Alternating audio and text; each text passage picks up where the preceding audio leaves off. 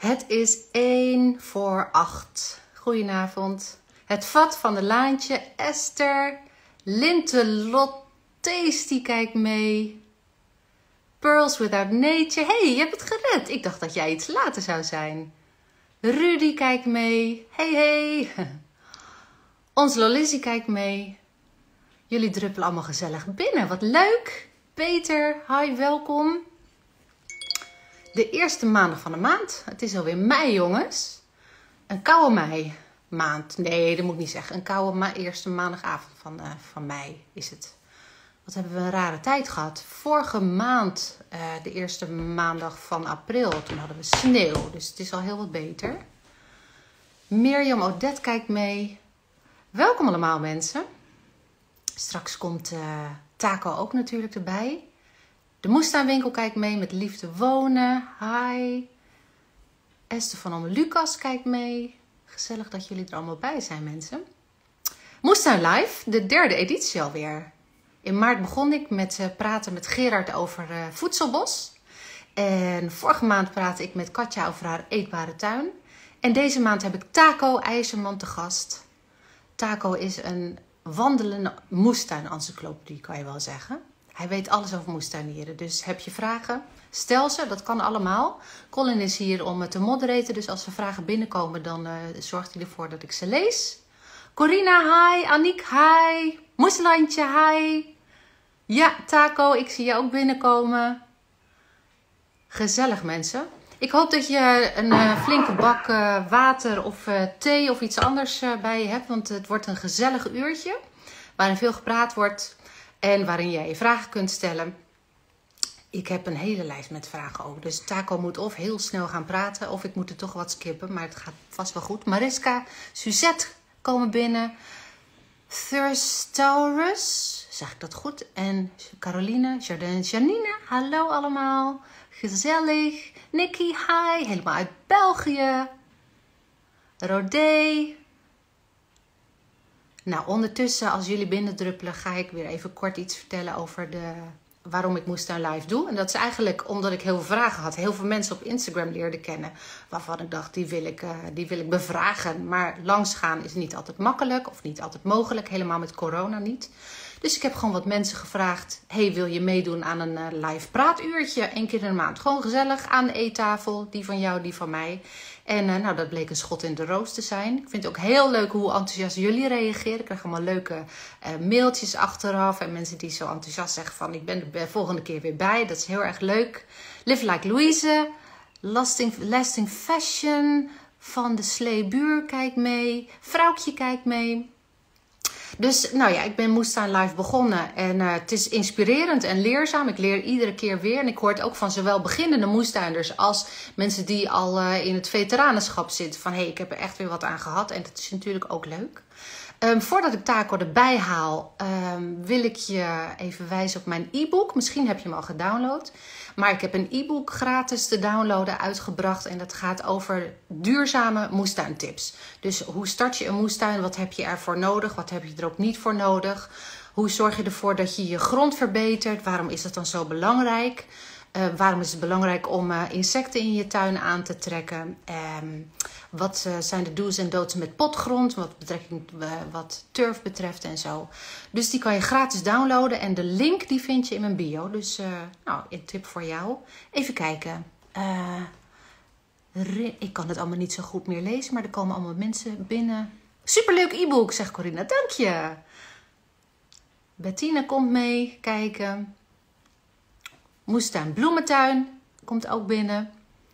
Nou, ik ga even kijken of ik Taco kan vinden en dan gaan wij van start, lieve mensen.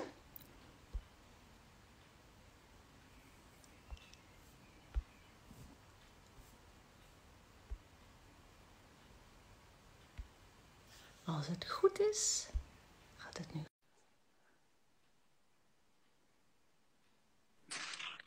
Oh. Ja hoor. Beetje raar licht, hè? Je hebt een aureool. Beter?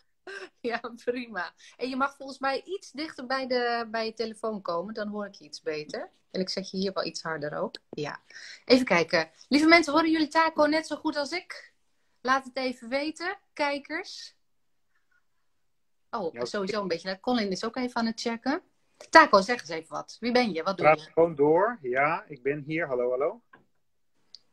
Ja, ik hoor je wel. Nou, ik, ik krijg geen... eh, Colin, hoor jij het ook goed? Ja, Volgens mij. van nu. Er zit vertraging in. Oh, er zit vertraging in de lijn, mensen. Oh, Jardin Janine zegt dit. Oké, mooi. Nou, dan gaan, we, dan gaan we gewoon van start, toch? Ja, de aureool is verdwenen. Het past je hoor daar niet van, maar het lichtje is uit. hey Taco, leuk. We zijn de afgelopen vrijdag hebben we al heel even kort gekletst. Maar eh, Ja. voor de mensen die het niet hebben meegemaakt ehm, en die jou misschien nog niet kennen. Wie ben jij en wat doe jij? En dat zelf gaan vertellen. Nou, ja, ik ben een beetje een groen mannetje. Ehm, ik eh, heb twintig jaar lang professioneel eh, biologisch groente geteeld hè, als tuinder voor mijn beroep. En ik eh, adviseer ehm, landgoederen bij historische moestuinen, dus nou, grote, mooie moestuinen. En ik schrijf bijvoorbeeld voor het blad Stadstuinieren voor mensen die op hun balkon of eh, dakterras gewoon op de vensterbank tuinieren. Dus het meeste wat ik doe heeft wel te maken met groentetelen en kruidentelen. En, eh, ja, en, en, en als ik dan niet werk, dan eet ik het graag. Ja, dat is mooi, ja. Nou, wat heb je voor het laatst uit je tuin gegeten? Ja, vandaag snijbiet. Snijbiet, ja, mooi. Dat heeft gewoon die min 13 overleefd, hè? Of is het verse snijbiet? Nee, nee, nee, is nog snijbiet van vorig jaar. Ja. Ja. En gisteren hadden we asperges. En zuringssoep. Ja, Ja. he- dat noemde jij herdensoep, toch? Ja, precies. Ja, Ja. Heerlijk. Oh, en verse asperges gewoon. die eerste. Ja, goed, eh, met z'n zessen moesten we er vier delen, maar oké. En werd het vechten? Kreeg jij de, het meeste of niet? Nee, nee, nee, ik, ik gaf de meeste weg. Nee, we hebben er allemaal van genoten. Maar er komt nog veel meer, hè? Ja, Dus- daarom. Maar ja, dat eerste, vertel eens. Want de, ehm, eh, een van de dingen waar jij heel blij van wordt, is, is, is, gaat ook hierover, toch? Over de eerstelingen, zoals je die noemt. Ja, ik ben dol op primeurs, zeg maar. En het maakt Ja. me niet zo heel veel uit wat het is. Want ik ben net zo blij als met de eerste oogst eh, bladsla uit de kas. En de eerste oogst rucola. eh, als nu eigenlijk met de laatste snijbiet. De eerste asperge. eh, de eerste rabarber. Dus ja, eigenlijk alles wat ik voor de eerste keer eet, dat vind ik leuk. En dat gaat Ja. natuurlijk tot midzomer door eigenlijk. Hè? Dat je steeds weer nieuwe dingen eet. En eh, ja, dus er is altijd iets om echt heel blij mee te zijn.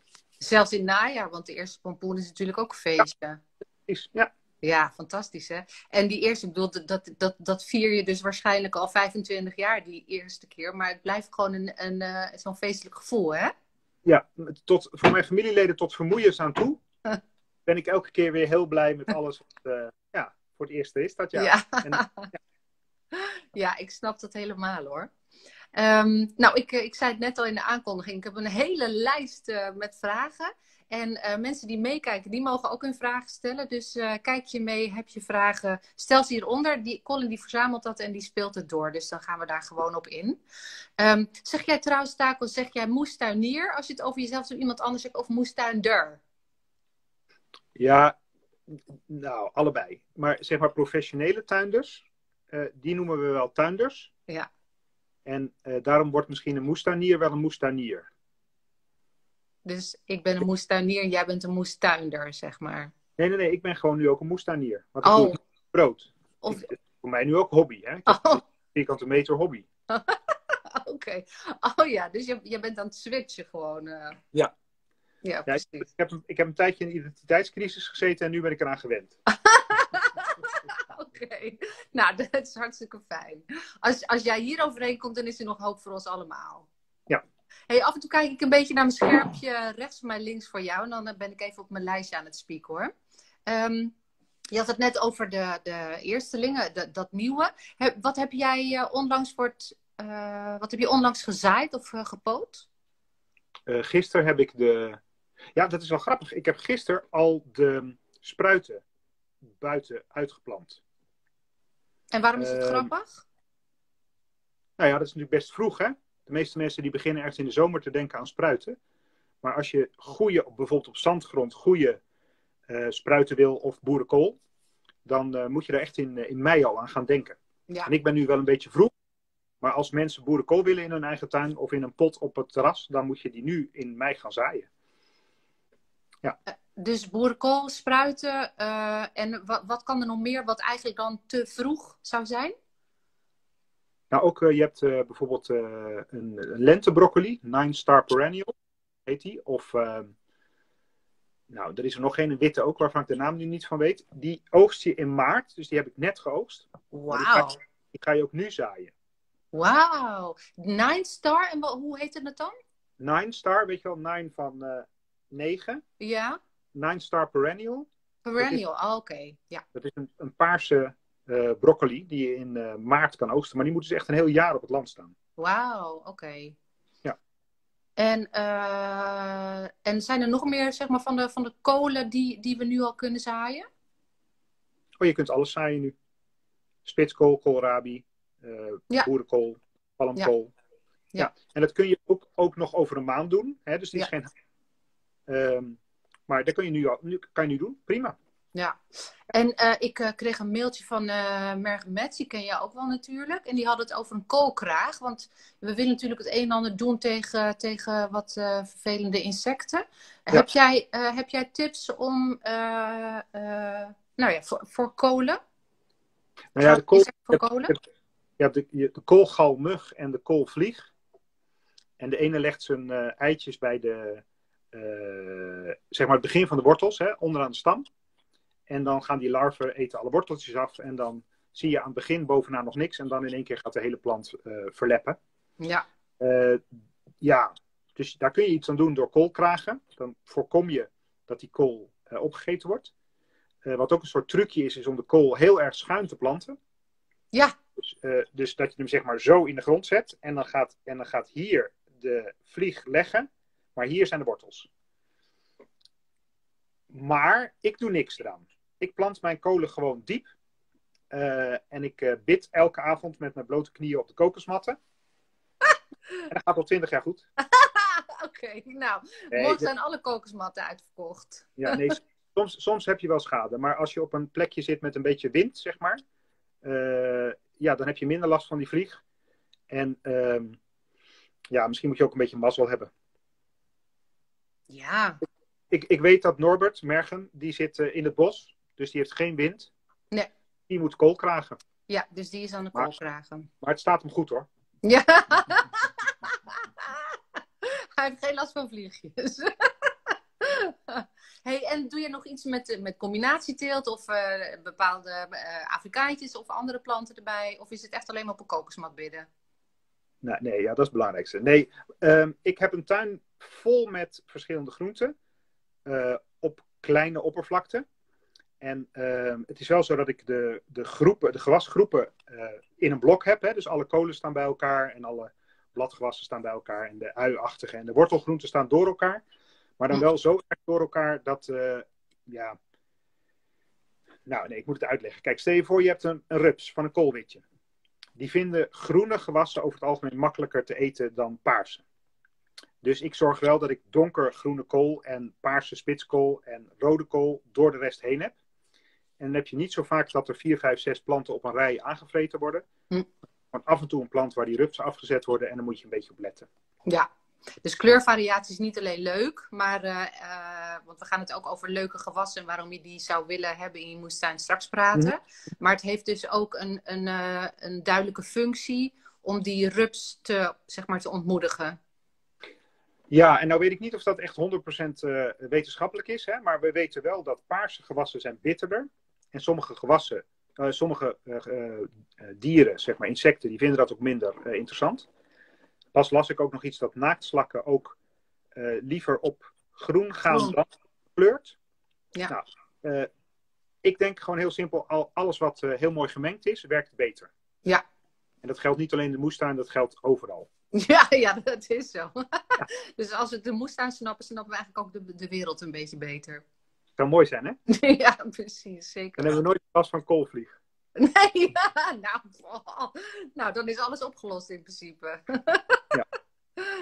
Ehm, ehm, nou, als we het daar toch over hebben, dus die kleurige wassen, want dat vond ik wel leuk wat je in, de, in eh, de teaser ook even zei. Mhm. Eh, of in ons voorgesprek, weet ik niet meer. Ehm, bepaalde gewassen. waarom ben jij daar zo enthousiast over om juist die in je tuin te hebben?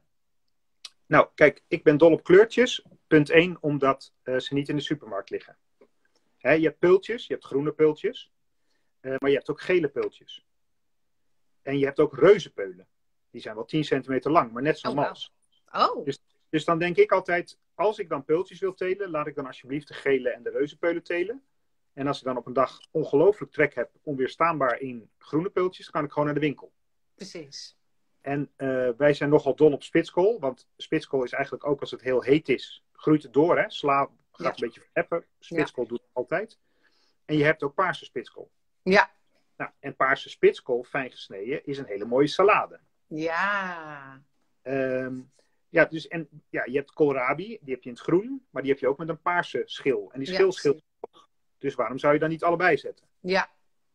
Ja, dus zo denk ik een beetje. En ehm, je hebt natuurlijk dat verhaal met eh, wortelen. Hè, tegenwoordig heb je alle kleuren wortelen, kun je vinden in de winkel. Eh, paars, oranje, geel en wit. Ehm, nou, dat is allemaal mooi. En die kun je dus ook door elkaar telen. Alleen de paarse is iets bitterder. Dat doet die paarse smaak. Oh. Eh, de gele is eigenlijk niet zo heel lekker. Maar dat is natuurlijk subjectief. Maar hij is wel heel mooi. Ja. En de oranje, die kennen we allemaal. Maar dat is ook wel leuk om erbij te hebben. Want dan weten we tenminste dat het wortel is. Ja. En dat heb je ook bij de bietjes. Ehm, kijk, je hebt wel drie, vier, vijf, zes, zeven rassen rode bietjes. Maar je hebt ook gele. Die komen eigenlijk uit Engeland. Burpees Golden heette die bijvoorbeeld. En je hebt eh, witte biet. En je hebt eh, de roze-wit gestreepte biet. Dat is een beetje de K3-biet. ja. Die komt uit Italië, Georgia. Ja. En eh, hoewel de rode wel het snelste groeit en het grootst wordt. Dus als je puur voor kilo's wil, dan moet je die nemen. Ja. Ehm, maar als je lol wil hebben, dan moet je ze allemaal telen. Ja, precies. Ja. En heb je aan tafel ook altijd. Kijk, bij ons hier aan tafel heb je mensen die vinden de witte echt het lekkerst. En je hebt mensen die vinden de witte echt het viest. En de ander is weer dol op de roze-wit gestreepte. Dus dan heb je ook nog eens wat om over te bakkeleien. Dat scheelt ook. Ja, precies. Heb je in ieder geval een gespreksonderwerp aan tafel. De bietenkleur. Ja. Ja, de Ajax-bietjes zei iemand ook wel eens eh, over die, eh, over die Georgia-bietjes. Ja. Ja. En zijn er nog meer, eh, want zelf vind ik het leuk, de, de paarse boerenkool vind ik bijvoorbeeld ook leuk, de, ro- de, de rode koolrabi. Zijn er Ja. nog ook groenten waarvan je denkt van, oh, die zouden echt veel meer nog in de moestuin kunnen staan. Die zie ik eigenlijk te weinig nog. Jawel, nou, je, rode spruitjes zijn leuk, maar die koken grijs. Ja, Dus dat is niet zo interessant. Maar ik vind eh, zelf eh, gele herfstframboos ja. is fantastisch, want vogels zien hem ook minder goed. Oh, En je hebt ook eh, witte aalbes. Dus net als de rode aalbes heb je ook witte. En ook die kun je zonder net telen. oh, wat een goede tip. Dus ja, als je nou een tuintje hebt waarin het niet handig is om netten te spannen, omdat je te veel vogels oogst, zeg maar, hè, Ja. niet zo leuk, eh, dan zou je die witte varianten kunnen proberen. Oh, wat goed zeg. Dus die kleur, ehm, Ze dus gaan alles wat zeg maar niet rood is, rood, eh, wat is het, rood paars of rood ros, dat is minder zichtbaar voor vogels. Ja, of ze zijn er gewoon minder keen op. Ehm, dus je hebt ook witte aardbeien. Ja. En die smaken ook heel lekker. En als je dan toch in het ruitje fruit zit, we kennen veel groene kruisbessen, maar je hebt ook rode kruisbessen. Maar die zijn dan weer minder handig, want die worden weer makkelijker door vogels gegeten. Ja. Dus, En qua smaak, smaakt die rode kruisbest ook anders? Ja, het is een Japans soort. Eh, hij is vrij zoet. De, zeg maar de Engelse eh, rassen die we hebben, die zijn vrij zuur. Hè? Die zijn hard en zuur. En de Japanse rassen zijn over het algemeen iets zoeter. Ah, oké. Maar, weet je, ik denk altijd, alles wat je uit je eigen tuin plukt, is het allerlekkerste wat er te eten is. We kunnen heel lang over rassen praten. Hè? Maar er is maar één ding waar ik eh, het ras echt belangrijk vind. En dat is een, de enige snijbiet die biologisch niet te krijgen is. Dus dan, dan eh, zondig ik altijd op mijn eigen principes. Want ja, er is één snijbiet die is zo mooi zacht. Maar ja, die is biologisch, wordt die niet verkocht. Is dat de peppermint of welke is dat?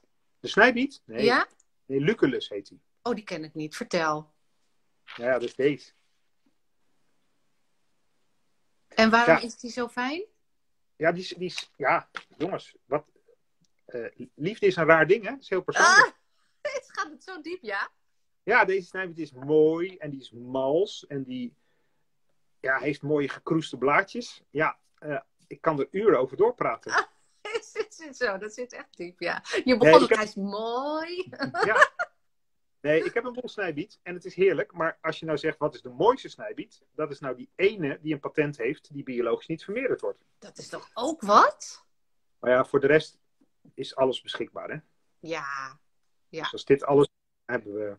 ja dat is je, e- je enige zonde. Dat je die bij Van Wal gewoon niet biologisch aanschaft. Ja. Ja.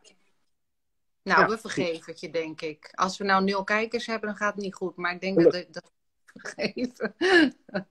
Eh eens even kijken. Ik spiek weer even verder op mijn lijstje, hoor. Ehm, oh ja.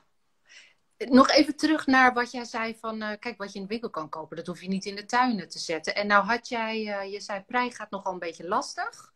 Dus voor Mhm. mensen die, die dat herkennen, die zeggen ik wil zo graag prei uit de tuin, maar ik heb altijd last van een preivlieg of, of andere dingen. Wat adviseer jij dan? Stengelui. En waarom? Eh, nou, stengelui, sommige mensen kennen hem wel en dan heette die eh, grove biesloop. Maar stengelui is een, een, ja, een pol met zeg maar lenteuitjes, hè, zoals je die kent, bosuitjes of lenteuitjes. Eh, je zaait hem gewoon. Het is een plant die ja, enorm lekker uitgroeit, waar je de hele zomer van kan oogsten. Eh, in de Aziatische keuken wordt hij ook veel gebruikt in plaats van prei. Ah, ja. Je kunt hem rauw eten, je kunt hem in een gerecht meestoven. En eh, ja, hij geeft het niet gauw op. Dus eh, sommige rassen kunnen de winter door en dan kun je in het voorjaar nog even oogsten tot ze gaan bloeien. Wauw. Ehm, ja, dus eigenlijk is dat een veel eh, makkelijkere plant dan prei. Want prei moet je nogal je best voor doen. Hè? Je moet Ja. eerst drie maanden wachten voor je hem uit kan planten na het zaaien. Dan moet je een goed bemeste grond hebben. Dan moet je zorgen dat er niet te veel preivlieg of preimot bij komt. En eh stengelui heeft eigenlijk geen plagen. Ja, wauw. Dus, eh, En, eh, ja. en je kunt er dus ook, begrijp ik, van jou eerder van oogsten. Hij, hij geeft eerder, eh, nou ja. Wat Net als snijbiet, vaak kan je ze de winter doorhalen en dan kun je nu nog oogsten een tijdje. En dan op een gegeven moment gaan ze bloeien. hè. Eind mei, juni gaat bijna alles bloeien. Maar dan zijn degenen die je dit jaar hebt gezaaid, die zijn weer groot genoeg om te oogsten. Wauw. Je kunt gewoon doorgaan. En Ja, dan, fantastisch. Ja. En zijn er zo nog wat, een aantal groenten waarvan je zegt, joh, begin er niet aan? Nou, ik, ik zit op zand zelf, hè, hier bij Wageningen. Ja. Eh, dus ik teel geen eh, bloemkool. Want daar kan ik nog zoveel tegen praten, maar eh, ja, dat, dat wordt dan een tennisbal, zeg maar. Niet groter. Eh, broccoli teel ik alleen in de winter. Dus niet in de zomer, want ja, dan voor je het weet heb je zo'n uitgegroeide geel bloeiende roset. Ja, Wat we willen is natuurlijk gewoon een kleine kilo broccolibol. Nou, dat gaat op zand bij mij niet zo makkelijk lukken. Dus ik doe geen eh, bloemkool, ik doe geen broccoli. ehm, ik doe met name, eh, ja, dus liever ehm stengelui dan prei. ja. Wat doe ik nog meer niet? Ik doe eigenlijk best wel veel niet, maar dat heb ik denk ik verdrongen. Oh ja, dro- droge bonen doe ik niet. Oh, waarom niet? Nou, alleen maar die die heel bijzonder zijn. Heilig boontje of eh yin en yang boontje. Want die zijn gewoon heel mooi. Ja. Maar om zelf het aantal kilo's eh, bruine bonen die wij in de wraps doen, zeg maar, op je, op je moestuin te telen, dan heb je gewoon ja, een halve hectare nodig. Ja, Want die opbrengst is niet zo groot, hè? Ehm, dus ik teel wel eh borlotti-bonen, kievitsbonen. Ja. Die aan de stok. Ja. Maar die eten we vers, die eten we niet gedroogd. oh, oké. Ja, dus dat gedroogde spul koop ik gewoon liever in een zak. Ja, precies. Ja, jij bent echt van het praktisch, hè? Van, eh, ehm, je, je, je weegt een beetje af van hoe, hoe effectief is het eigenlijk en hoe kan ik mijn, mijn ruimte of mijn tijd beter gebruiken, begrijp ik. Ja, en ook, en ook kijk, bijvoorbeeld, eh, mijn dochter is dol op eh, verse sojaboontjes. Weet je wel, zoals je die bij de Japaner kan. Ja. Dat is dan wel leuk om zelf te telen. Want dan heb je een aantal keer per jaar heb je een maaltje van verse sojaboontjes. Ja. Ehm, maar ja, eh kikkererwten telen. Heel die, veel eh, gedoe. ja, dat is een heleboel gedoe. Ja. En het, ik snap wel dat het heel leuk is. Ja. Dat je wil proberen om alles te telen. Maar ik ga toch een beetje voor. ehm, nou, wat kan ik niet krijgen? Wat is er in een kleur die ik elders niet heb? Eh, wat is heel chic of heel duur? Ehm, maar ik heb ook dingen staan die wel ruimte innemen en alleen maar eh, mooi zijn. Heb ik ook. En welke zijn dat? Cardoen bijvoorbeeld. Oh ja. En dat blad ga ik, heb ik, ja, dat heb ik in mijn leven drie keer gebleekt. Ja. En dan dapper gegeten en toen naar links en naar rechts gekeken en gezegd, hm, lekker hè. En alle andere jaren heb ik gewoon genoten van de bloemen en alle hommels die erop zitten. Ja, precies. Ja. Ja, dus eh, de, de culinaire eh, activiteiten laat je over aan, eh, aan de medetuinbewoners. Ja, maar heb je wel eens zo'n groepje hommels zien knuffelen in zo'n kardoen? Nee. Nou, dat, dat, het is prachtig. Ach, Dat je mag kijken alleen al is leuk. ja. Het is toch ook in, in zo'n grote klaproos dat je ze allemaal bij elkaar ziet. Fantastisch. Ja. Ja, hè? Ja, daar kan niks tegenop. is beter dan eten. Ja, oh, kijk, zo. Ik kijk weer even op mijn, op mijn lijstje, want ik zei al dat ik een hele grote, grote lijst heb, hè? Oh, dat valt eigenlijk wel mee. Ehm, nou, je had het net al even over zandgrond en waarom je eh, bepaalde gewassen juist wel of juist niet ehm, eh, kiest.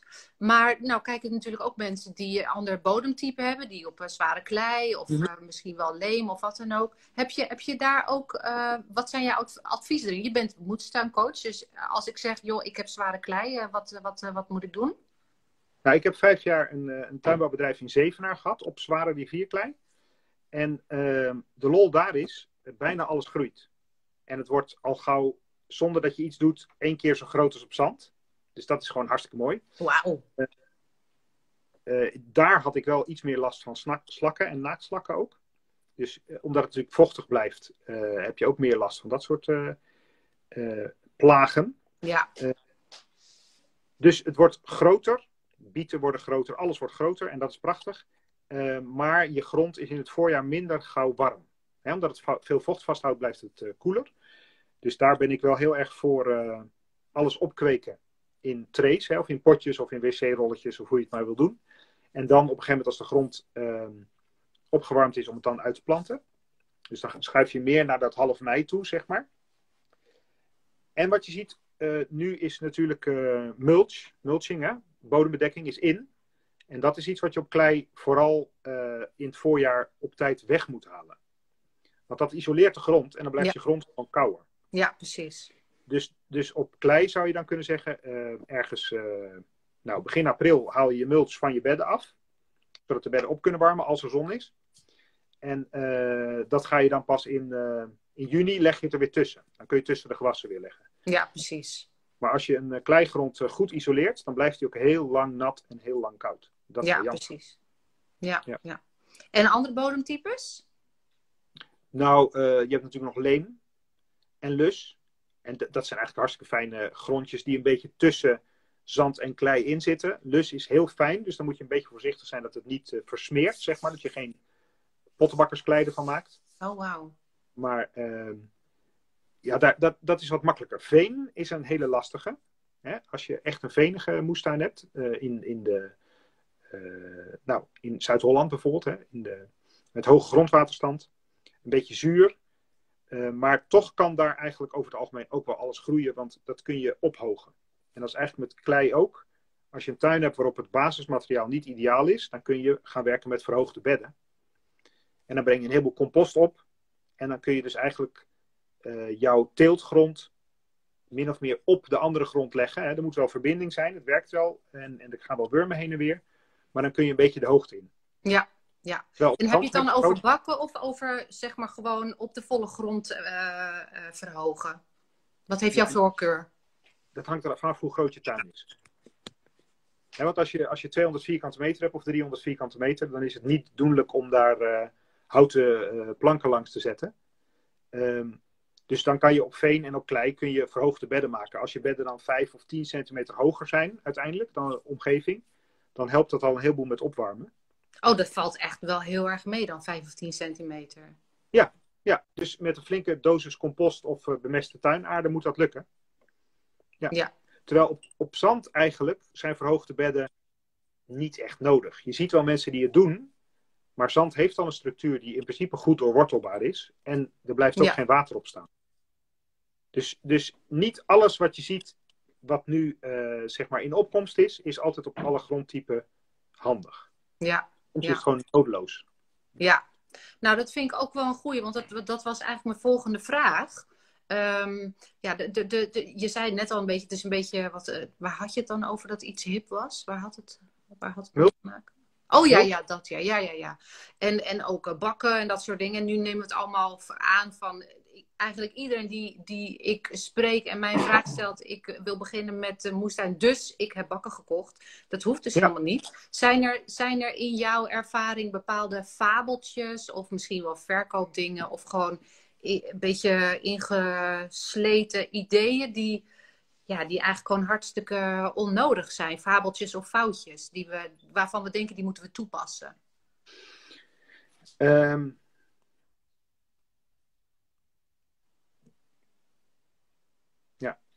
Je, je stoort een beetje hier. Misschien ligt dat dan hier. Misschien ligt dat aan jou. Maar ik ga je vraag beantwoorden.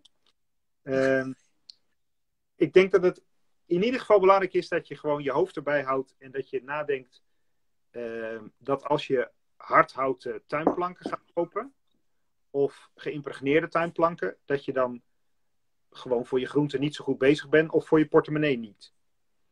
want ik, ik zie mensen wel voor honderden euro's hout hun tuin inslepen dan moet je best wat bietjes verdienen. Uh, of bietjes telen, wil je daar dat steeds uh, mee terugverdienen. Hè? Dus dat, ik denk dat het goed is om te bedenken. Uh, wat wordt de opbrengst of wat wordt mijn plezier? En als je nou zielsgelukkig wordt van een bed met hardhouten planken in je tuin, dan is het misschien waard. Maar anders moet je misschien even nadenken van ehm, waarom deed mijn opa of uh, oom of tante dit niet? Want dat waren meestal mensen die wel een heel goed oog hadden voor kostenbatenanalyse. Hè? Twee generaties terug zo. Ehm, dus ik denk dat alles waar je een heleboel geld voor uit moet geven, is niet nodig. Um, dat zegt niet dat ik geen geld uitgeef aan de tuin, want ik wil ook goede meststoffen. Ja. Eh, wat wel een beetje in opkomst is en waar ik heel erg voor ben, dat is plantaardige bemesting. Want uh, er zijn meststoffen die kun je telen in Nederland, bijvoorbeeld in de polder. En die laten de grond beter achter. Maar wij kunnen dan het gewas gebruiken als meststof. En dan maak je dus twee keer grond beter. Wauw, ja. Dat is bijvoorbeeld luzernekorrel. Dat is eigenlijk ook paardenvoer. Kun je ook als paardenvoer gebruiken. Uh, maar dat, dat telen ze in de polder. Dat kun je als geperste brok, als een soort konijnenbrokjes, kun je het op je land brengen. En dan wordt jouw grond rijker. Maar ook de grond waar het geteeld wordt, blijft beter achter dan dat het begon. Wauw. Dan zeg ik, laat dat maar een hype worden. Ja. Um, maar ja, kijk, ik vind uh, bijvoorbeeld voor op schoolpleinen moestuin bakken hartstikke leuk. Want het ja. is lekker duidelijk. Uh, mensen lopen er niet zomaar overheen. Uh, een voetbal die stuit het tegen de rand en die stuit het niet tegen de kool, zeg maar. Dus ik ben echt wel voor een aantal dingen, maar je moet even nadenken. Ehm, als je er acht in je achtertuin wil zetten om een moestuin te beginnen, dan zou ik zeggen, haal er gewoon wat tegels uit. Ja. En, ja, dan kan het ook. Ja, en je noemde ook nog even van die bakken, die, die zijn niet zo goed voor je portemonnee en ook niet zo goed voor de groenten. Kun je uitleggen waarom, je, waarom zei je dat? Nou, kijk, um, als je aarde tegen planken legt, dan gaat dat uiteindelijk schimmelen. Of er gaan kleine beestjes dat hout opeten. Hè? Dus wat je dan ziet, is dat mensen geïmpregneerd tuinhout neerzetten. En geïmpregneerd is goed tegen weer en wind en tegen kleine beestjes. Uh, maar ja, of dat nou is wat je met tuinieren wilde, dat vraag ik me dan af. Ja. En ja, tropisch hardhout doet het ook heel goed in de grond. Dat houdt het lang vol. Maar het was natuurlijk in een ander continent was het eerst een boom. Ja. Dus ja, daar ben ik uh, zelf altijd een beetje alert op. Dat ik denk, als het, als het heel leuk voor mij lijkt hier, ja. is het ook leuk voor uh, nou, ergens anders of de kleine diertjes die ik niet zomaar zie. Precies. Ja. Maar ik ben hè, want als, als je een kennis hebt met een heleboel uh, stijgerhout, en die zegt, uh, joh, uh, jij mag dat stijgerhout verklussen. Ga lekker doen. Ja, Hè? tuurlijk. Ik, ja. ja. Nou, ik heb, een, in, ik heb vorige week een e-book uitgebracht. En een van mijn, van mijn bijna, hoe moet ik dat zeggen? niet zo goed op het woord komen. Nou ja, waar ik voor sta is uh, schuimen alle containers af. Uh, want er, er, ligt zoveel hout in en vaak hardhout. Hartstikke goed nog. Ja, maar ga ja. alsjeblieft niet nieuw kopen. Want inderdaad, gewoon, het is 9 van de 10 keer niet nodig. Maar dat zijn zeg maar van die dingen waar, waar ik nu heel vaak mensen zie. Ik ga moest aan beginnen, dus ik moet een bak bouwen. Nou, dat, Ja. net wat je zegt. Gewoon even nadenken. Is het überhaupt wel, wel nodig? En zo zijn er wel meer zaken. Zijn er, zijn er ook andere, zeg maar aannames die jij ziet van mensen die met, of het nou een beginnende moestuinder is of, een, of, of al een veteraan waarvan je denkt van ja, dat is meer een aanname of een gewoonte, dan dat het nou echt heel erg goed voor je moestuin is of voor de biodiversiteit of voor het bodemleven of zo. Gaan we het dan toch heel even hebben over de moestuinmaatjes? Ja, ik denk het wel. Heel even. Oh ja, maar je begint meteen te storen. Ik denk dat Albert Heijn... De, de, wacht, mensen je, begint meteen te storen hier. Wacht even hoor. Ja, oh, we gaan... Ja, je viel even weg. Ik denk dat het toch Albert Heijn is. Nog een keer, ja. Ja, ik denk ook. Nou ja, kijk. Niet alleen Albert Heijn. Maar heel veel mensen denken dat één gewas geweldig is voor een ander gewas. Uh, ik geloof niet oh, dat dat zo is. Ja, ik heb ja, dat nog nooit dus mensen die gaan dan heel erg hun best doen. Van als je dus een korenbloem zet naast een, nou ja, weet ik veel wat. Hè, uh, laat, laten we zeggen een bosui. Dat ze dan allebei heel gelukkig worden. Nou ja, dat is een soort liefde op het eerste gezicht waar ik niet in geloof in de moestuin. Ik denk dat je diversiteit moet hebben. Dus als je, als je denkt dat je worteltjes niet groeien omdat je uitjes in het volgende bed staan, maar niet vlak ernaast. Ja, dan maak je jezelf zo moeilijk dus dus uh, qua fabeltjes, ik denk dat de diversiteit is de sleutel. En een gezond bodemleven, zo heet dat altijd. Hè? Dat betekent dat je grond uh, een beetje goed doorlucht is. Dat er organisch materiaal in zit, maar geen grove brokken houtsnippers bijvoorbeeld. Ja. Uh, dat er voldoende voedsel is, dat het voldoende vocht vast kan houden. Dus een beetje sponswerking noemen we dat. Ja, dan ben je een heel end. En als je dan ook nog zorgt dat er, dat er zowel een beetje pissenbedden rondlopen als een beetje oorwormen, als regenwormen, als uh, lieve heersbeestjes, uh, dan ben je een heel end. En dat kan eigenlijk allemaal zonder grote aanschaffen. Uh, de inhoud van het konijnenhok van de buurman, grasmaaisel van de andere buurvrouw en dan breng je dat oppervlakkig op en dan wordt het uiteindelijk, dan zie je dat de wormen naar boven komen en die doen het werk. Dus het hoeft niet allemaal uit een hele dure zak te komen, zeg maar. Nee, ja. hele goeie. Maar, maar ehm, ik moet, ik, zal ik iets opbiechten over, over dan, dan, dan zie je meteen de kijkcijfers dalen, zeg maar. Ik ben tegen het gebruik van te veel materiaal, maar ik zelf gebruik wel, uh, ja, we noemen het vals zaaibed 2.0. Dat betekent, een vals zaaibed, weet je wat dat is? Ja, ik weet wat het is, maar leg het even uit. Vind ik een goeie. Had ik even als interviewer moeten vragen, wat is vals zaaibed, Taco? Ik zal het je vertellen. dat is heel makkelijk. Uh, valsaaibed, dan maak je uh, je bed zwart en vlak, alsof je gaat zaaien. dus je zorgt dat uh, grove onkruiden zijn weg, uh, je hebt geschoffeld, je hebt geharkt. Dan pak je een kop koffie, maar je pakt niet de zakjes zaad. Daar wacht je namelijk een week of twee mee. En dan in die twee weken ga je er nog een paar keer langs met een hark of met een schoffel. En al het onkruid wat kiemt, haal je weg. En dan ga je pas zaaien. Je doet het dus ook twee weken eerder dan dat je normaal zou gaan zaaien. Dat moet je niet dus vergeten. even plannen. Even plannen. Dat heet vals zaaibed. En, en dat scheelt dan een heleboel onkruid. Want dat is al gekiemd en dat is al weg. En eh, nou, uh, vals zaaibed 2.0 betekent dat je doet precies hetzelfde. Je maakt je zaaibed klaar. Je maakt het mooi fijn. Uh, start klaar. En dan leg je er een stukje gebruikt, dus tweedehands, folie over een oud grondzuil van je tent, uh, oude aspergefolie als je dat kan krijgen, uh, landbouwplastic wat je al drie keer hebt gebruikt, maar waar geen gaten in zitten.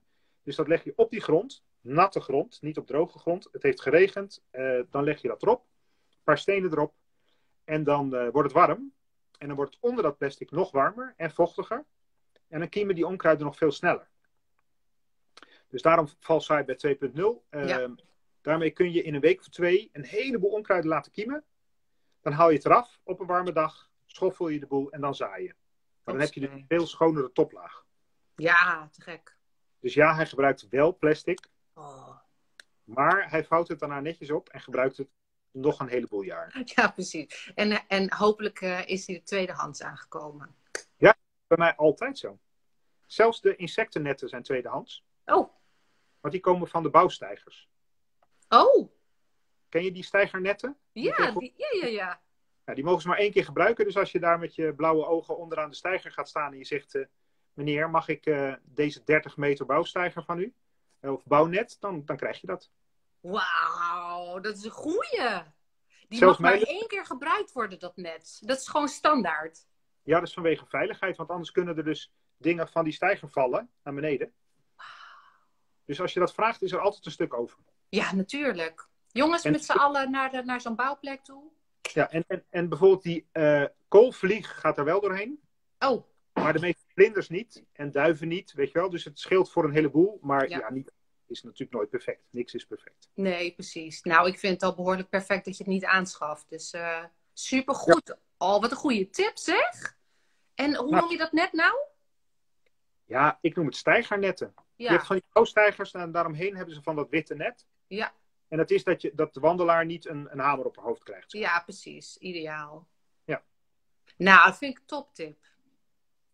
Ik zie het al in de, in de reacties. Super tip. Oh Wat- ja, kijk. Ja, ja. Pearls with, with nature. Heel goed. Ja, maar jij bent ook heel erg van het, eh, van het recyclen. Kijk, met een dankjewel erbij. Die doe ik ook even inderdaad. Mooi. Goeie. Mooi. Wat heerlijk al die praktische tips, Taco. Houden we van. Ja, straks zit iedereen op zijn bakfiets met zo'n groot net voorin. Ja. Een broodje op straat, maar goed. Heerlijk. In je tweedehands bakfiets, hè? Ja, in tweedehands bakfiets. even kijken. Ik ga even door mijn lijstje heen. Eh, eh, Colin, heb jij... eh, Oh, wacht. Hier. Oh ja, je had het net over, eh, over harken. Nou kreeg ik al van tevoren een vraag. Jij hebt een filmpje gemaakt over schoffelen en daarin gebruik je kantelschoffels. Waar kun je die kopen? Ik kan dat type schoffel nergens vinden. Vraag Toesmoes. Oei, ja, eh, ik mag natuurlijk geen namen noemen, maar in België is een firma en daar heet die gewoon kantelschoffel. Oh, En die firma heet Ecotech, geloof ik, zoiets. oké. Maar kantelschoffel is, is te vinden. En anders moet je mij via Facebook of weet ik veel wat even die vraag stellen en dan zoek ik het op. Oké. Maar sowieso zijn- moeilijk in eh, Nederland en in België wel te vinden dus. In België zijn ze te vinden, ja. Ja, zeker. Postorder gewoon te doen. Oké, nou, die vraag is dan beantwoord. Dan ga ik even naar andere vragen. Even over die edam, edamameboontjes, die, die eh, sojaboontjes, hè? De- Hij verschijnt al in de Secotech, hij verschijnt al in de opmerkingen. Oh, Colin. De- Oh, Colin is zo snel ook. Meteen geregeld. Ja, dit is hem. Nou, hoppateetje. Edam, e, ja, ik heb zaden gekocht, maar nog geen idee hoe dit aan te pakken. Oh, gebruiksaanwijzing lezen, doen wat ze zeggen. En even wachten tot het iets warmer is. Oké. En dan En- en- gewoon eh, hup in volle grond. Ja, zeker. Ja. En, eh, maar dat, dat zit je tegen half mei. Hè. Dat moet echt lekker warm zijn. En je moet heel erg zorgen dat, ze, eh, dat je ze vers eet. Dus dat je niet te lang wacht. Want als je gaat denken van, oh, hij verkleurt mooi geel. Ja, dan is hij al aan het afrijpen. Oké. Je moet ze echt vers eten. En dat betekent dat je gewoon zoveel moet zetten. Dat je vanaf een week of eh, drie, vier nadat de, dat het gebloeid heeft. Dat je die peulen al gaat proeven. Hè? Dus elke twee dagen proef je zo'n peul. En op een gegeven moment denk je, oh, nu is die lekker. Ja. En dan moet je nog wat over hebben. Ja, precies. Dus het is eigenlijk net als met sugar, sugar snaps en zo. Gewoon niet wachten totdat eh, voordat de drie seizoenen voorbij zijn. Gewoon Ja. vers, nuttig. Ja. Ja. Nou, dank je. Even kijken. Dat was een vraag van Met Liefde Wonen. Dan Moestuin Bloementuin vraagt... Ik heb vanmiddag twee wokpannen ingegraven... met een smiley erachter... voor de biodiversiteit. Dus ik wil er graag waterkers in telen. Heeft dat kans van slagen? Oh, op die manier wok, wokpannen. Wat grappig. Heeft het kans van slagen? Eh, nou ja, voor de waterkers misschien wel. Maar voor de biodiversiteit wil je dan waterkers met kikkers? Of wat wil, wat wil je ermee bereiken? Want Dat weet ik ook niet. Dat staat er niet bij. Maar ik denk een klein vijvertje bijvoorbeeld. Een Ja, mini, mini vijvertje. Maar als, als er altijd overal waar water in staat, al is het een, eh, eh, ja, een, een, vergeten beker, daar gaan dingen in leven. Ja, Eh, al zijn het maar muggen, zeg maar. Maar verder, ja, dat wordt vanzelf levend water. Maar als je er ook waterkers in wilt telen, dat moet dan wel weer heel schoon water zijn, want dat wil jij eten. Dus ik denk dat je moet kiezen tussen of biodiversiteit of waterkers. ja. Nou, ze heeft twee wokpannen. Dus. Eentje voor elk. Maar is- zonder gekheid is het zo dat eh, eh, we weten natuurlijk allemaal dat als je een klein beetje water in de zon zet, wordt het warm. Ja. En dan s'nachts koelt het af. Dus dan kan er zo een temperatuurverschil van, uh, van 20, 25 graden in zitten. Dat is nou weer niet zo heel goed voor de meeste levende wezens. Ah. Uh, uh, dus hoe groter het volume water wat je hebt, hoe leuker het is voor de natuur. Dus dan zou ik zeggen, begin met een kleine speciekuip of een emmer van 10 liter. ik denk dat dat veiliger is. Want een, een, volgens mij heb je niet een hele grote wokpan. Dus dat verdampt, dat wordt warm. Ja. Uh, pan is staal, dus als daar uh, zon op schijnt, dan vers, verspreidt die warmte zich ook heel erg. Ja. Daar zit geen tevallaag in.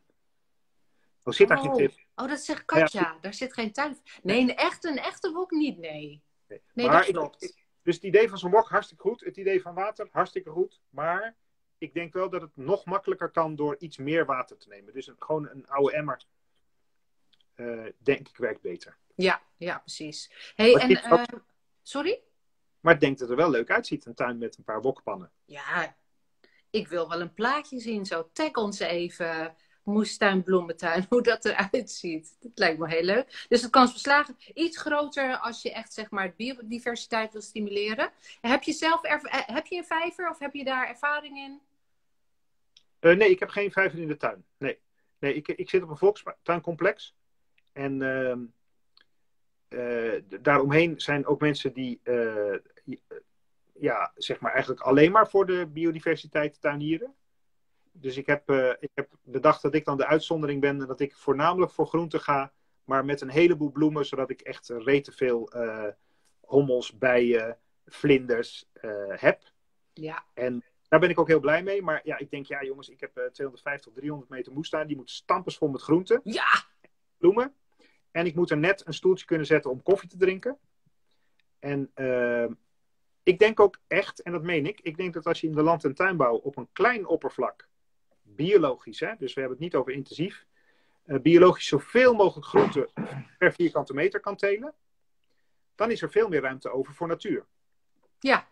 Als we alle landbouwgrond en tuinbouwgrond heel ex extensief gaan inrichten. Hè? Dus allemaal permacultuur en uh, nou, uh, mooie, uh, mooie structuren waar ik echt wel voor ben. Dan krijg je een heel inefficiënte productie. Dus ik zeg, laten we nou mooie, efficiënte bedrijven maken waarin je wel biodiversiteit hebt. Dus je gaat niks wegjagen of doodspuiten. Daar ben ik helemaal tegen. Ja. Maar ga nou alles wat niet voor mensen eetbaar is, laten we dat mooi in natuur zetten, waar, het ook echt, waar wij ook niet rondlopen. Ja. Want een ree gaat nooit ergens slapen waar wij ook rondlopen. Dus Nee. ik denk, laten we natuur echt natuur houden. Laten we daar ook niet onze honden los laten lopen. En laten we dan eh, onze moestuinen gewoon lekker chockvol zetten met lekkere groenten. Ja. Maar goed, dat is misschien een beetje extremistisch.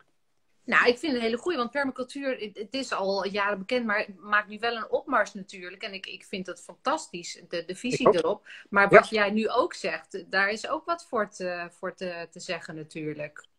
Nou, ik ben echt fan van, het, van de ideeën achter permacultuur. Hè? Dat is een hele mooie manier om naar de wereld te kijken. Echt Ja. waar. Ehm, maar we moeten niet denken dat dat eh, zeg maar onze groenteproductie gaat vervangen. Maar het is, het is iets voor in een overgangszone. Als je een tuin hebt waarin je een prachtige omgeving wil hebben en je wil er wat uit oogsten. En je hebt genoeg ruimte. Hartstikke leuk. Super. Ja. Maar als je een tuinbouwbedrijf hebt van 1 hectare, dan kun je daar zo 80 families van voeden in de zomer. Hè, dan kun je er zo een, een maand of 8, 80 families van voeden. Ja, dat lukt met permacultuur op een hectare nooit. Nee. Dus, dus ik ben er wel voor dat we zeg maar eh, dat we snap, dat we blijven in beeld houden dat natuur iets is waar wij niet met ons tengels aan moeten zitten. Zodat alles wat daar rustig wil slapen en vier poten heeft, dat ook durft. Ja.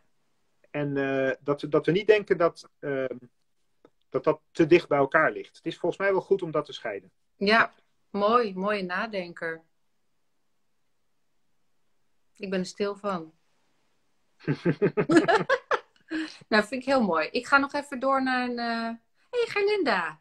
Bij ons is er vooral klei, kleigrond, zegt uh, Gerlinda. Nou, dat heeft dus veel voordelen, want het wordt allemaal twee keer zo groot. Maar, vraagt Gerlinda, hoe krijg ik dat luchtig? Ja, ja, het is mooi voor de groente, maar kloten voor je rug. Sorry voor het woord. Eh, Organisch materiaal. Heel veel organisch materiaal. Dat is goed voor klei. Ehm, dus eh, als je het ergens op kan scharrelen, ehm, verteerde stalmest. Hè, van koeien of van geiten, biologisch, die op stro lopen. Dus niet op zaagsel, maar op stro. Dat is fantastisch. En anders, eh, ja, compost. En compost kun je tegenwoordig wel steeds meer kopen.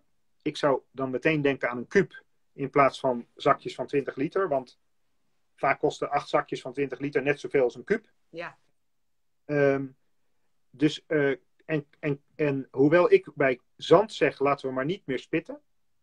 Hè? eh, laten we de grond maar eh, wel een beetje loswerken met een grelinet of met een spitvork. Maar niet Ja. keren. Ja. Kan het bij klei wel handig zijn om organisch materiaal door te mengen in de bovenste laag. En voor de winter te spitten, zodat het eh, stuk vriest. Maar dan wel elke keer als je dat toch doet, zorgen dat er organisch materiaal ingebracht wordt. ja, Want anders ben je alleen maar klompen klei aan het keren. ja, En je moet zorgen dat die bovenlaag rijker wordt. Ja, precies. Dus op termijn gewoon zorgen, veel compost of ander materiaal er doorheen werken. En dus toch, wa- want ik dacht misschien ga jij zeggen dan die ene keer spitten en daarna niet meer. Maar dan toch voor de winter spitten zodat het stuk vriest. En dan gewoon daarna ook weer in het voorjaar iets doorheen spitten, compost doorheen spitten? nou ja, nee, kijk, ik ken die grond niet, hè. Maar ik zat zelf op zware klei. En dan deden we het zo dat we in het najaar ging daar eh strorijke mest op. En dan werkten we met de grelinetten, werkten we hem open. Dus dan Ja, en even voor de mensen die dat niet weten, dat is zo'n eh, een, een, wol, een woolvork. Ja, een woolvork. Ja, Ja. precies. Ja. En eh, dan vallen er dus wat kleine deeltjes van je organisch materiaal, je compost, vallen erin. Dan laat je de winter eroverheen gaan. En in het voorjaar kun je dat eventueel nog een keer doen. Maar je gaat er wel vanuit dat met de jaren er meer organisch materiaal in komt. Dat gebeurt ook doordat je bijvoorbeeld de wortels van veel eh, groenten erin laat zitten. Hè? De wortels van een krop sla, die laat je erin zitten. Ja. En daardoor zou die grond op een gegeven moment luchtiger moeten worden. Ja. Ehm, dus ik zeg niet, je moet hem twee keer per jaar spitten. Maar bij klei is het soms wel nodig om hem eh, ja, aan de gang te krijgen. Ja. En eh, de structuur gewoon wat te verbeteren. Ja. Ja. precies. En het is dus wel een, een beetje een geduldskwestie. Ik denk wel dat je er heel hele fijne opbrengst van krijgt, maar het is er wel een beetje geduld uit te oefenen dus. Oh, je valt weg. Taco is Ja, bevroren in mijn beeld. Oh, Ja, ik vrees wat zei je, Taco? Wat zei jij? Dat ik bevroren was. Ja, ja, was ik bevroren? Ja, ergens halverwege. Ja, nou, nog een keer. Wat zei jij? Ja, dat weet ik niet meer. Wat zei ik ook weer? Ik heb Nou, hersenletsel. Ik kan niet ging goed onthouden, joh. Nee, bij klei is het dus soms nodig om te spitten. Maar het is vooral belangrijk dat er organisch materiaal in die teeltlaag komt. Hè? De bovenste 15 tot 20 centimeter. Dat is belangrijk. En niet te veel roeren en mengen en smeren. Maar wel eh, zorgen dat het gebeurt. Nou, ik Ja. denk dat eh Gerlinda daar eh, mee is geholpen. Eens even kijken. We hebben het 8 voor... 8 voor... Ah, 9, sorry. Zo, Nou, dat gaat goed hoor. Even kijken. Even kijken. Moeslandje zegt nog iets over permacultuur. Maar met een permacultuur moestuin meer gecombineerd kan dat wel. Want dat is juist heel intensief en gebruikmakend van alle ruimte en energie. Dat was nog even eh, als Ja. reactie op jouw permacultuurverhaal. ja, en ik zeg nu gewoon ja. En ik ben het er niet mee eens, want ik heb het nog nooit ergens gezien. Maar nodig me uit en overtuig me. Nou, moeslandje, zet koffie. Nodig taco uit. Ja, precies. Nee, ik ben, ik ben fan van permacultuur. Hoe meer permacultuur, hoe beter. Maar we moeten er geen wedstrijd van maken. Laten we ook alsjeblieft gewoon tuinbouw houden. Dat, dat is eigenlijk hoe Ja. ik het zie. Nou ja, er moet ook, net wat je zegt, er moet gewoon gezinnen eten. En wat Ja. ik zie bij, eh, ik weet niet of je hem kent, hij zit uh, vlakbij Barneveld, uh, William, Mhm. effectief moestuin. Ja, Nou, die ja. doet het hartstikke leuk en de- die, die voedt heel, heel wat gezinnen inderdaad met zijn manier van, van landbouw op een Ja. hele effectieve en, en biodiverse manier. Hij heeft net een nieuwe plek. Hij is hem nu aan het inrichten. Hij Ja. staat tot aan enkels in het water, maar dat wordt hartstikke leuk. Wauw, ja, Ja. gaaf. Ja. Um, eens even kijken, heb ik nog meer vragen? Oh, Moeslandje. Hoe denk je over bokashi? Ja, uh, ik, ik zie mensen die daar heel mooi mee werken. Hè. Het is een manier waarmee je je compost, uh, zeg maar, opstart. Je brengt een bacteriecultuur in, dan bedek je hem. En dan wordt het op een, een wat, in een wat zuurder milieu wordt het omgezet. ik denk dat het fantastisch is. En, maar ik zou het niet gaan doen, omdat ik zorg dat ik geen composthoop heb. Dus ik wiet alles klein en ik laat het op het land verdrogen. En ehm, ja, dus ik hoef geen bokashi te gebruiken. Ja. Maar als je heel veel compost hebt, is het een hartstikke mooie manier. Ja. Maar dat is natuurlijk nog wel even grappig dat je zegt: ik heb geen uh, composthoop. Oh, ben je bevroren? Um, of ben ik oh, bevroren? Ja. Nou, uh, ja, jij nu wel een beetje. Gaat dat goed hier? Ja, jij bent er weer. Ik ook bij jou. Ja, hallo.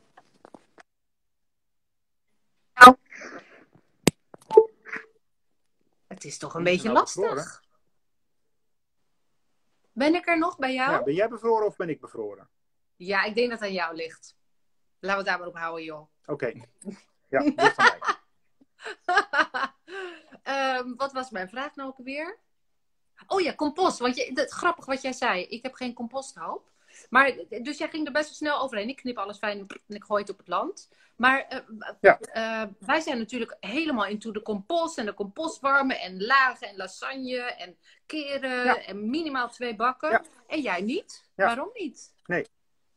Uh, nou, omdat ik probeer, het lukt niet altijd, maar ik probeer mijn onkruiden ehm, te schoffelen voordat ze zeg maar herkenbaar zijn. als dat niet lukt, dan heb ik wel ergens een hoopje met onkruid. Maar dat zet ik heel gauw om, zodat, het, zodat ik tegen niemand hoef te vertellen dat ik eigenlijk een mini-composthoopje heb. uh, maar nee, echt, ik, ik probeer dus uh, mijn gewasresten niet te verzamelen, maar die probeer ik gewoon fijn op de grond te leggen. En dan uh, ja, doen eigenlijk de wormen het werk. Dus dan worden ze verknipt.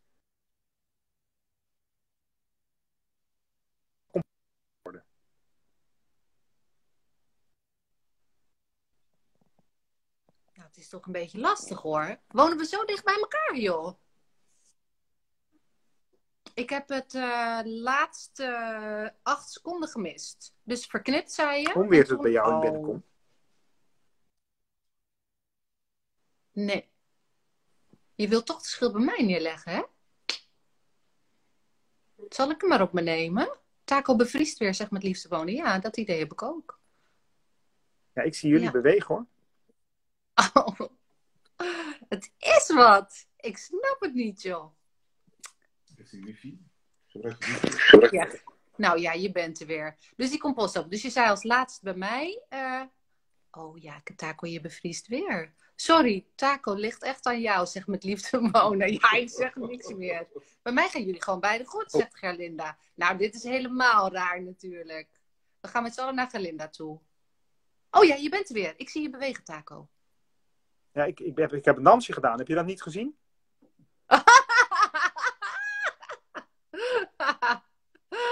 ja, nee, die moet je nog een keer over doen. We hebben nog drie minuten. Doe hem even. Dan gaan we het. Ja, oh, het is echt drama hier. Zit jij op wifi toevallig? Vraagt Colin. Want we moeten Taco zijn wifi uitzetten. Soms is het beter om gewoon niet op wifi te zitten. Oh, soms is het beter om niet op wifi te zitten. Nou, ik zit ook op wifi. Dus je zou wifi even kunnen uitzetten, Taco. ik nu wifi uitzetten. Dat vind je.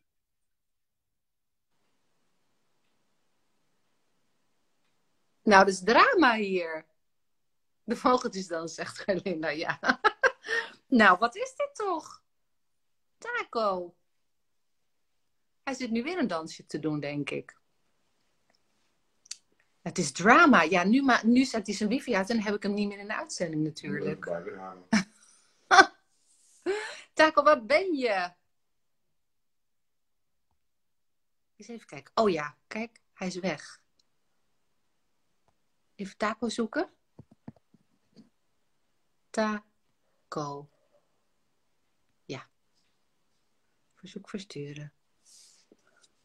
Nou, we doen het nog een keer. Hij heeft zijn wifi uit. Ja, hopelijk wel, Gerlinde. Want hij moet nu op, uh, wat is het, 4G, 4G. of zo. Oeh. Nou, eens even kijken of hij die paar laatste minuten belt hoe goed is op zich met liefde wonen. Nou ja, hij denkt ook doei. Bekijkbaar met je compost. nee, ja, het, is einde. Als Taco terug is, zou je vanaf het begin van een moes van een tuin compostloos aanraden of pas als de bodem gezond genoeg is? Vind ik een goede vraag. Colin onthoudt hem even, want ik kan dat niet. Ja, nee, Taco denkt ook 9 uur, mij niet bellen.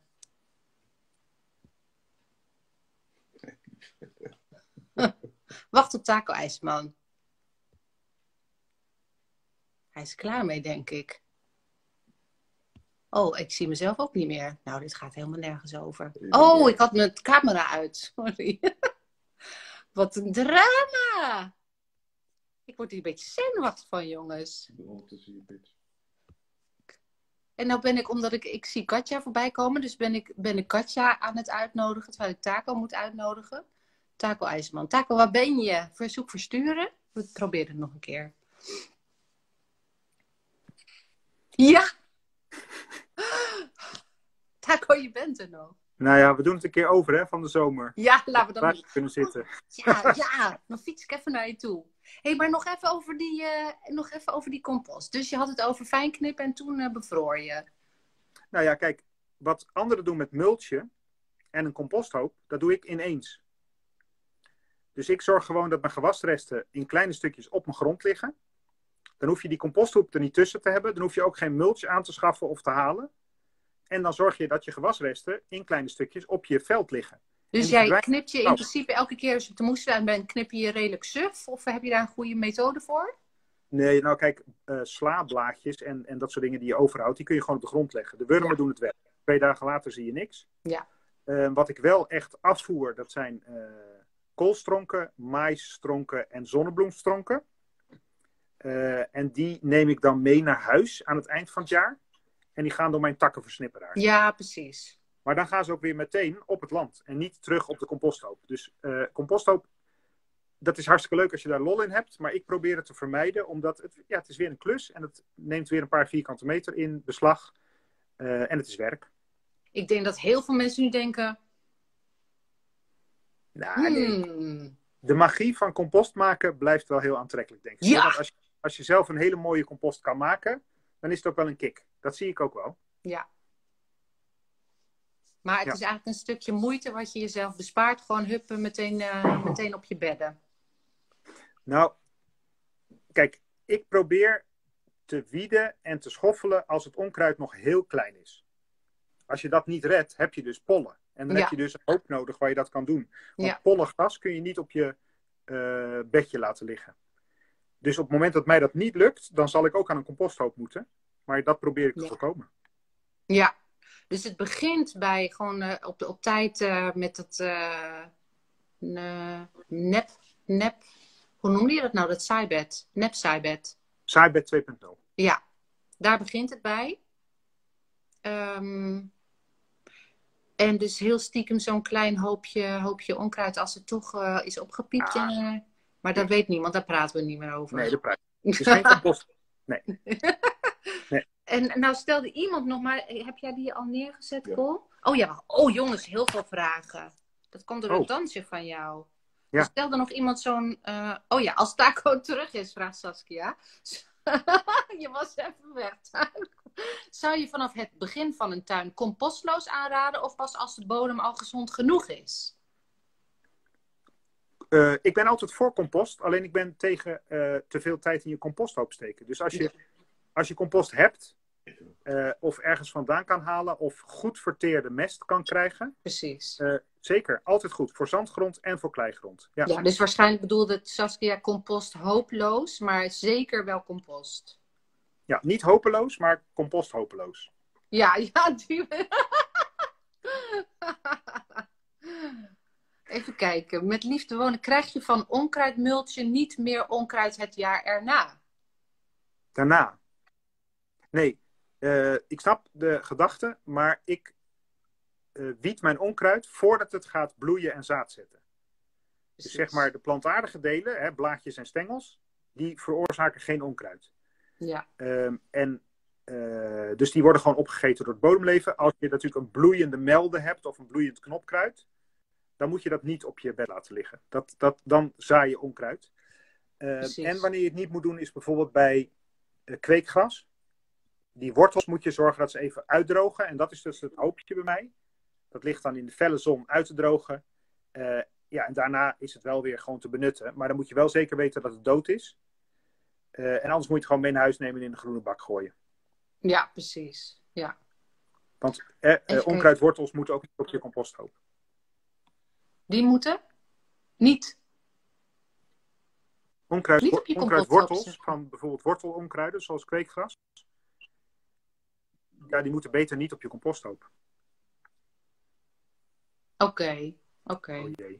Nou sta jij Even kijken, heb je, nou- heb je tips tegen slakken, vraagt eh, Monique. Eh, nou, van Door wortelonkruiden multje en bedek. Dus gewoon van gras en andere dingen wel, maar van kweekgras liever niet. Oké. Het was weer een klein Oh, bevriezertje, maar volgens mij heb ik hem meegekregen. We gaan bijna afsluiten wat mij betreft. Er zijn nog wel wat vragen. Heb je tips tegen slakken? Door mulchen en bedekken rond planten komen er meer slakken? Vraagt Monique. Oh, weer bevroren. Hij is weer een dansje aan het doen hoor. Ja, ja mulch en slakken, dat, dat, het, eh, dat is een lastige. Dus dat blijft.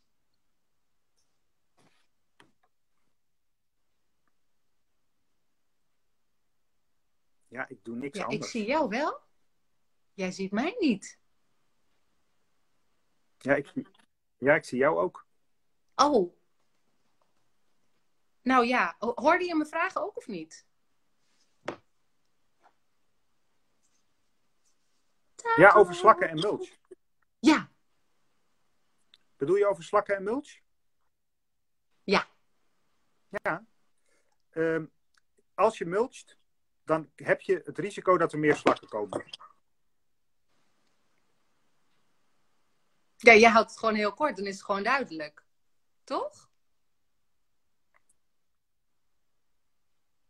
Ja. Ja, ik denk dat hier de avondklok is ingaan. Dus wifi ligt er hier uit Bennekom. Het, wordt, eh, het is gewoon, eh, het is over en uit, denk ik. Ja, volgens mij, heb jij nog iets brandends wat je wil melden, Taco? Waar je mee wil afsluiten? Of denk je van, we hebben het wel gehad eigenlijk? Nou, ik denk dat ik toch ja ga zeggen op die glasvezel. Ehm, maar verder, verder, nee, ja, jongens, eh, je moet gewoon eh, lekker tuinieren. Eh, je moet goed nadenken over dat je denkt, zou mijn eh, opa, oma, eh, oom of tante dit ook doen, eh 30 jaar geleden?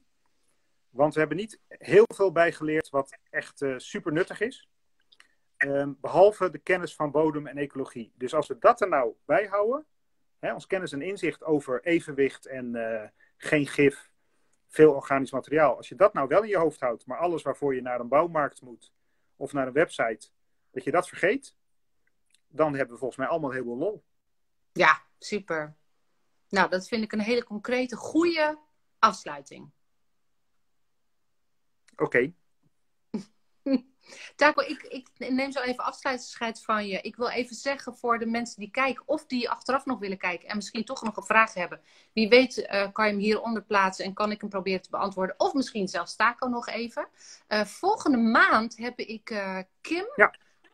heb ik te gast Moesmeisje. Ehm, en zij heeft heel veel ervaring met het tuinieren op eh, een klein stukje grond en in potten. Dus daar gaan we heel veel over praten. Zij hangt ook de visie aan, eigenlijk, eh, ja, waar, waar eh, jij, Taco, het, eh, het ook over hebt. De biodiversiteit en vanuit een ecologische oogpunt eh, tuinieren. Dus dat wordt leuk volgende maand. Ehm, als mensen nog niet mijn e-book hebben gedownload, kan dat via de link in de bio. En eigenlijk lees je daar heel veel dingen in die, waar we het vanavond ook over hebben gehad. Dus wat dat betreft eh, had, eh, had Taco hem ook kunnen schrijven. Ehm, Taco, echt super leuk dat je, dat je ja, vanavond eh, te gast wilde zijn bij Moestuin Live. Ik vond het heel leerzaam en inspirerend. No nonsense, praktisch en heel inspirerend. Ehm, dus ik ben heel blij dat je dat je, je uurtje aan ons eh, wilde spenderen.